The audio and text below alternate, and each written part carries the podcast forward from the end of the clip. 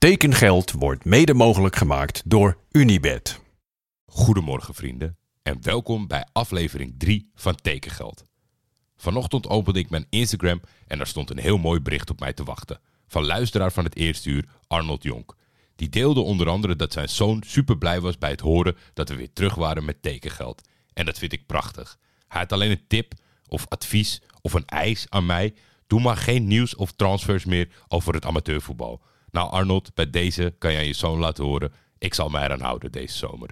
Voor dat bericht was er al een nachtelijke toevoeging of een soort van rectificatie die ik binnenkreeg van topredacteur Sjors Grol. Hey Jordi, ik wil natuurlijk de laatste zijn die je tegenspreekt in je fantastische podcast. Maar aangezien je over Sabah FK begon en ik daarmee automatisch de schakel maakte naar het programma wat je afgelopen seizoen hebt gemaakt, moest ik meteen denken aan Ozan Kukcu, die al eerder bij Sabah heeft gespeeld. Dat je kantinegast bent geweest betekent natuurlijk niet dat je een Nederlander bent. Maar aangezien de Kukcu-broers voor twee verschillende landen uitkomen, zie ik Nederland wel als gemeenschappelijke factor voor hun beiden. Ik zeg niet dat je het moet rectificeren, maar een kleine benoeming van de meest spraakmakende kantinegast kan in mijn ogen geen kwaad. En dat klopt helemaal. Ozan was de gast bij ons en ja, die heeft uh, op een of andere manier er kwam niet echt een heel erg goed antwoord over hoe dat nou tot stand is gekomen. Volgens mij is het hem gewoon verzocht: wil jij de nationaliteit van Azerbeidzjan aannemen en international worden? En daar heeft hij ja op gezegd, terwijl hij van Turks komaf is. En daardoor verscheen hij niet in mijn lijstje bij buitenlandse spelers onder het kopje Nederland bij Sabah FK. Maar natuurlijk Ozan Kukcu, sterspeler van Eindhoven, broer van, is. Uh, en daarmee maakt het natuurlijk dat uh, Margarita de tweede Nederlander is bij Sabah FK en niet de eerste. Bij deze gerectificeerd. Dan komen er nu ja, toch een categorie wat uh, lastig is. En ik zal me daar niet aan aanpassen. Er zijn natuurlijk allerlei tools voor om me van tevoren voor te bereiden. Maar ja, ik spreek dingen uit zoals ik dingen uitspreek. Maar ja, dan vind ik het toch wel leuk bij het openen. Uh, van, van de socials. Dat uh, mensen daar tegenwoordig kan je daar voice notes sturen. En ja, daarom. ik vloog namelijk uit de bocht bij zowel Guadalajara als bij Hierro Margarita. Hier hoor je Torpedro, de Mexicaanse plaatsnaam, goed uitspreken. Chivas Guadalajara. Nou, zover zat ik er toch niet vanaf. En hier hoor je Koert Westerman op een juiste en aanstekelijke manier de voornaam van Margarita uitspreken. Pearl, Pearl, Pearl. Dat was dus de reclame. En je zal begrijpen dat ik deed. Gerald, Gerald, Gerald. Deze laatste vooral moest ik met jullie delen, want iedereen van mijn leeftijd en ouder, die heeft nu de aankomende drie weken die reclame die we allemaal kennen, weer in zijn hoofd. Dankjewel Koert. Het was een mega drukke dag op de transfermarkt, dus laten we snel beginnen. En dan begin ik toch wel met het mooiste verhaal van de dag, vind ik. Patrick Kluivert, Petje, is de nieuwe hoofdtrainer van Adana Demirspor. Laat dit even op je inwerken. Waarschijnlijk heb je nog nooit gehoord van Adana Demirspor en vermoedelijk was je ook helemaal vergeten dat Patrick Kluivert af en toe een actieve voetbaltrainer is. Enige dagen geleden zag ik de geruchten voorbij komen op Turks Twitter. Nou ja, iedereen die mij op Twitter volgt en wel eens een vraag stelt van hoe betrouwbaar is deze bron, is dit een serieus bericht? Die weet dat ik altijd zeg nee, nee, nee. Er is in Turkije geen bron waarvan ik zeg, hier steek ik mijn handen voor in het vuur. Het enige wat je in Turkije moet doen is wachten tot je beeldmateriaal ziet van een speler met het shirt in zijn hand of een contract tekenend of voor het stadion. Dan kan je er pas van uitgaan dat er echt wat aan de hand is. Maar ja, het was verdorie gewoon waar. Dus ja, ineens zag ik uh, net de, de dingen voorbij komen, de filmpjes voorbij komen, de eerste foto's op de airport. En ja, ongelooflijk. Kluivert heeft toch voor mij een beetje dezelfde gunfactor of gezicht waar je blij van wordt. Net zoals bijvoorbeeld Gini Wijnaldum heeft. Ik weet niet wat het is. En dan moet je er natuurlijk altijd bij vermelden dat wat hij op zijn kerfstok heeft uh, niet vergeten dient te worden. Maar ja, ik kan, ik kan er ook niks aan doen. Als ik hem zie, word ik vrolijk en, en je gunt hem van alles. Zijn carrière gaat werkelijk alle kanten op. Begon als spitsentrainer bij AZ. Een paar potjes assistent geweest bij de nieuwbakken Spurs-coach Postecoglou. In Brisbane was dat. Geliefd trainer van Jong Twente. Assistent van Louis van Gaal natuurlijk in Brazilië. Technisch directeur, trainer en interim trainer van Curaçao met Seedorf samen Cameroen gedaan, sportief directeur bij Paris Saint-Germain en dan nu hoofdtrainer in een competitie waar ze zonder blikken of blozen soms iemand na één wedstrijd al ontslaan. Ik geloof wel in deze samenwerking. Ik denk dat zijn karakter wel past in Turkije. Het lastige aspect van de job zullen de verwachtingen zijn. Turken verheerlijken helden. Patrick is toch nog steeds daar de grote spits van Ajax, Barça en het Nederlands elftal. Zo bleek ook bij het eerste filmpje wat ik zag. Samen met de voorzitter werd hij geïnterviewd. En je zag de fonkeling in de ogen van de journalist, die gewoon zijn openingspraatje begon met: Ik kan niet geloven dat ik hier tegenover grote spits Patrick Kluivert sta. Dus ja, wat dat betreft zal het wel wat zijn. En daar komt nog eens bij dat zijn voorganger, Vincenzo Montella, het echt fantastisch heeft gedaan. Dit is pas het tweede seizoen van Adana op het hoogste niveau, nadat ze jaren afwezig zijn geweest. En afgelopen seizoen zijn ze maar liefst vierde geëindigd. Dus ja, uh, het, is, uh, het, is, het is een lastige job. Ik vind het heel moeilijk om de trainer Kluivert in te schatten. En dit zijn wel van die nieuwsberichten die mij soms doen overwegen op hele gekke momenten om eigenlijk nooit te stoppen met tekengeld. Of tenminste, tekengeld, dubbele punt, wat anders. Of even een andere naam. Om gewoon maar het jaar rond te kletsen tegen jullie. En bijvoorbeeld aan jullie te vertellen hoe het gaat met Patrick Kluivert in Turkije. Want ik kan me niet voorstellen dat jullie massaal gaan inschakelen. Of elke week gaan kijken wat de uitslagen zijn. Maar ja, dat vind ik hartstikke leuk. En ik denk dat jullie het ook leuk vinden op het moment dat je niet daadwerkelijk 93 minuten Adana Demirspor hoeft te kijken. Maar ja, dat is te veel gekkigheid. Well, first of all, uh, thank you very much. I'm very delighted to uh, come to Adana Demirspor. Um, the last two years they had fantastic uh, qualities, fantastic results.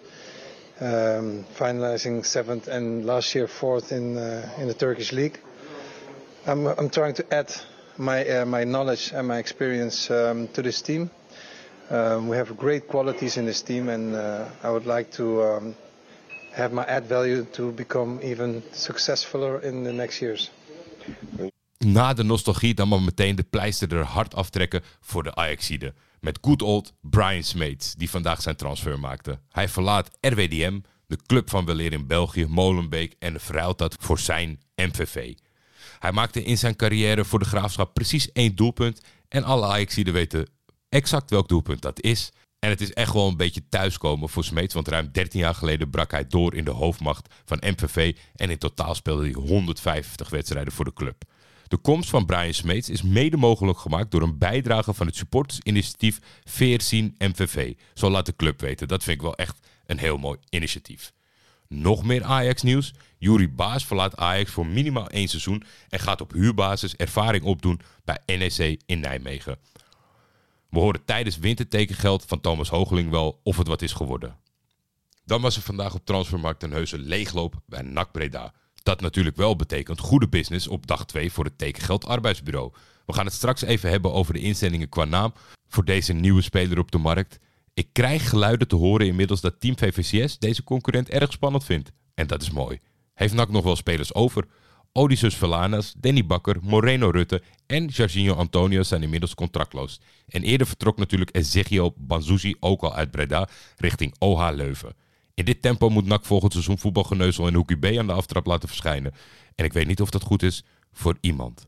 Ook gaat Nigel van Haveren, de 19-jarige voormalige keeper inmiddels van Vitesse, mee in onze etalage. Zijn contract is niet verlengd. En dan even over die namen. Enkele die voorbij kwamen. Bureau Buitenspel, de Tekenlage, de Jam AliExpress. En dan was er ook nog een mooie optie met de sponsornaam erin verwerkt. Mochten die echt luisteren, kunnen ze contact opnemen om het contract eventueel uit te breiden. Ik laat de namen nog een nachtje sudderen en kijk of er eventueel nog wat opties binnenkomen. En dan ga ik dit weekend beslissen over wat de uiteindelijke naam van het tekengeld arbeidsbureau gaat worden. Ook Feyenoord was actief op de markt. De 20-jarige aanvallende middenvelder Ilias Sebouaoui, die de gehele jeugdopleiding van Beerschot doorliep, komt per direct over om bij de Kuip op een Felix te stappen richting de Krommendijk. Want Ilias mag het eerst bij de schapenkoppel laten zien. Het is een trend deze zomer. De investeringen van Feyenoord die eigenlijk voor Dordrecht zijn. Dan toch nog een klein beetje Ajax-gerelateerd nieuws. Maar hij is natuurlijk al uh, een eerdere periode verhuurd geweest. Naji Univar. Hij ging naar Turkije om proberen zijn plek te veroveren bij Trabzonspor. Het werd geen gelukkig huwelijk. De speelminuten bleven schaars. De invalbeurten waren vaak leuk, maar niet overtuigend genoeg voor zijn trainers om een basisplaats te veroveren. En na een blessure in de laatste weken, die, die ook nog eens een periode zou duren, werd hij vroegtijdig terug naar Amsterdam gestuurd. Of misschien heeft hij dat wel zelf verzocht. Aankomend seizoen mag hij het dichter bij huis proberen. Bij FC Twente. Een blind paard kan zien dat deze jongen kan voetballen. Maar, cliché of niet, met die lengte en dat fysiek moet je van de buitencategorie zijn om te slagen in het moderne voetbal. Het is niet anders. Het is een rustige, maar zeer ambitieuze club. Het lijkt mij een logische beslissing van beide partijen. Ik ben heel erg benieuwd of het gaat lukken voor Naji bij Twente. Ik heb toch wel het idee dat aankomend seizoen hij het een en ander moet gaan laten zien. Voornamelijk voor de club Ajax en de supporters. Om hem te plaatsen van is dit iemand voor het eerste eventueel toch nog met een redelijke omweg? Of is het gewoon een stapje lager? En dan, ja, uh, ik, ik ben heel erg benieuwd uh, hoe dit gaat uitpakken. Dan de in Zweden geboren Tunesiër Rami Kaip keert terug naar zijn geboortegrond. Hij verruilt Heerenveen voor Jurgardens, knappe jongen die een Kaip-gerelateerde quizvraag over een paar jaar goed weet te beantwoorden. En dan toch wel triest nieuws voor de supporters van Emmen. Want publiekslieveling Miguel Arroyo verlaat de oude Meerdijk en trekt naar Amerika. Hij gaat spelen voor de Portland Timbers, waar ze boomstammen afzagen na een doelpunt. Het is een seksshop op je buik, of dat. Arroyo was een mega belangrijke speler voor de Emmenaren, die hem wisten binnen te slepen via goede connecties. Maar het bleef qua talent toch ook wel een beetje op dat niveau steken. Soms ontstond het beeld alsof hij buitencategorie was. Maar ondanks de waarschijnlijk non-EU salarisverplichtingen, als er meer in had gezeten, had ik echt wel het idee dat een club van één of twee treetjes hoger het inmiddels had geprobeerd na die paar seizoenen bij Emmen. Ik blijf toch een beetje met de vraag achter, was hij gewoon binnen de selectie van Emmen eentje die er met kop en schouders boven stak? Of zat er echt meer in en hebben clubs als, ja, laten we zeggen, Sparta, Heerenveen lopen slapen en ja, dat zij moeten uh, instappen in plaats van de Portland Timbers. Ik weet het niet. Ik weet het niet zeker. Het resterende verloop van zijn carrière zal ik niet helemaal meekrijgen. Maar ja, het zijn toch heel veel Messi-fans in Nederland. Dus wie weet dat die allemaal massaal MLS gaan kijken. En dan hoor ik het graag van jullie of hij daar de sterren van de hemel speelt. Dan was er nog één transfer die officieel is gemaakt, maar die moet ik overdragen aan Wesley Victor Mak. En dat heeft ermee te maken dat ik een nieuw item ga introduceren deze zomer. En dat heeft ermee te maken dat er zo tussen neus en lippen door toch wel eens gevraagd wordt van moeten we niet de grote transfers in de topcompetities ook meenemen? Ik wil dat niet, maar ik ken gelukkig een heleboel experts van buitenlandse competities, zoals Wesley Victor Mak en zijn Calcio. Dus ik heb gevraagd, Wesley, wil jij één keer in de week even een update geven over het belangrijkste nieuws in het Italiaanse voetbal? Hier komt hij. Buongiorno amici. Het kan niet anders dat er bij Jordi na zijn corona-avonturen bij Piacenza toch ergens een stukje liefde voor het Italiaanse voetbal is blijven hangen. Anders kan ik niet bedenken waarom hij de klassieke calciomercato wil incorporeren in tekengeld. Maar goed, hier zijn we dan. Ik breng jullie met alle liefde elke week een kleine round-up van de leukste afgeronde transfers in de Italiaanse competitie. Laten we beginnen bij de topclubs. Bij Napoli is het voorlopig nog vrij stil, al gaat Kim Min-jae na zijn dienstplicht in Korea richting München. Milan versterkte zich met Chelsea-middenvelder Ruben Loftus-Cheek, die in het rood-zwarte deel van de stad de opvolging van Sandro Tonali moet verzorgen. Aan de andere kant van Milaan trok Milan Skriniar de deur dan weer achter zich dicht. Dan door naar Roma, dat voor 30 juni een hoop spelers moest verkopen om te voldoen aan de financial fair play regels. Uiteindelijk vertrok Benjamin Tahirovic naar Ajax, Justin Kluivert naar Bournemouth en jeugdspelers Missouri en Volpato naar Sassuolo. Op het moment van opnemen staan Carles Perez, Ebrima Darbo en Brian Reynolds ook nog ergens op een vliegveld te wachten tot de laatste plooien van hun vertrek zijn gladgestreken. Toch fijn als je met je derde garnituur nog zo'n 30 miljoen euro kunt binnenharken. Door met de ploeg die ik per ongeluk een warm hart toedraag. Juventus heeft Timothy Weah binnen, de zoon van George. De Amerikaan speelde bij het Franse Lille op elke positie, behalve centraal achterin en tussen de palen, en kost zo'n 12 miljoen euro. Weah wordt binnengehaald als vervanger van Juan Cuadrado, die de club zou gaan verlaten. Weah is overigens niet de eerste zoon van een Afrikaanse president die in de Serie A tekent, want precies 20 jaar geleden deed Al-Sadi al-Gaddafi dat namelijk al bij Perugia. Al-Sadi, de zoon van welbekende Libische dictator Gaddafi, werd geen succes. Bijna direct na zijn komst kreeg hij een dopingschorsing van drie maanden aan de broek. Laten we hopen dat Timothy Weah zich iets beter gedraagt. Nou goed nieuws voor de fans van Palermo, want de Sicilianen hebben de 35-jarige Fabio Lucioni aangetrokken. Dat zal de meeste voetbalvolgers misschien weinig zeggen, maar de verdediger is garantie voor succes. Zowel in 2022-23 met Frosinone als in 2021-22 met Lecce wist hij vanuit de Serie B naar de Serie A te promoveren. Het zou mooi zijn als het hem lukt ook om met Palermo die hattrick te voltooien en hen ook weer naar het hoogste niveau te loodsen. Om ook nog wat Nederlandse linkjes te benoemen, gaat Lorenzo Luca niet worden overgenomen door Ajax, maar blijft hij wel actief op het hoogste niveau. De boomlange spits staat op het punt om te tekenen bij Udinese, inclusief optie tot koop van zo'n 8 miljoen euro. Venetia heeft er ook een nieuwe avonturier bij. Jay Itzes verruilt Go Ahead Eagles voor de club met grotere successen op fashion dan op sportgebied. Hij vindt bij de ploeg uit de Venetiaanse Lagune meerdere bekende oud-eredivisie-gezichten, met onder meer Nicky Maempa, Richesiano Haps, Dennis Johnson en Dejan Redan. En hoewel het nog niet 100% is bevestigd, wil ik toch ook nog graag een klein gerucht met jullie delen. SC Cambuur lijkt namelijk aan de haal te gaan met een talent uit de Milan-jeugd. Younes Gabriele Elilali staat op het punt om verhuurd te worden aan de ploeg uit Leeuwarden. De 20-jarige Elilali, die zowel Italiaanse als Marokkaanse roots heeft, scoorde afgelopen seizoen 13 keer in 26 wedstrijden namens de Primavera van de Rossoneri. Hopelijk wordt het geen Hachim Mastour 2.0. Volgens mij zijn jullie nu weer helemaal bijgepraat, dus geef ik de microfoon graag weer terug aan Jordi. Tot de volgende. Nou, dat lijkt me wel een fijne toevoeging, toch? Dankjewel in ieder geval Wesley. Kijken uit naar de volgende Italië-update. Maar voor die tijd gaan we natuurlijk ook langs de andere topcompetities. Voor jullie nu, tot morgen.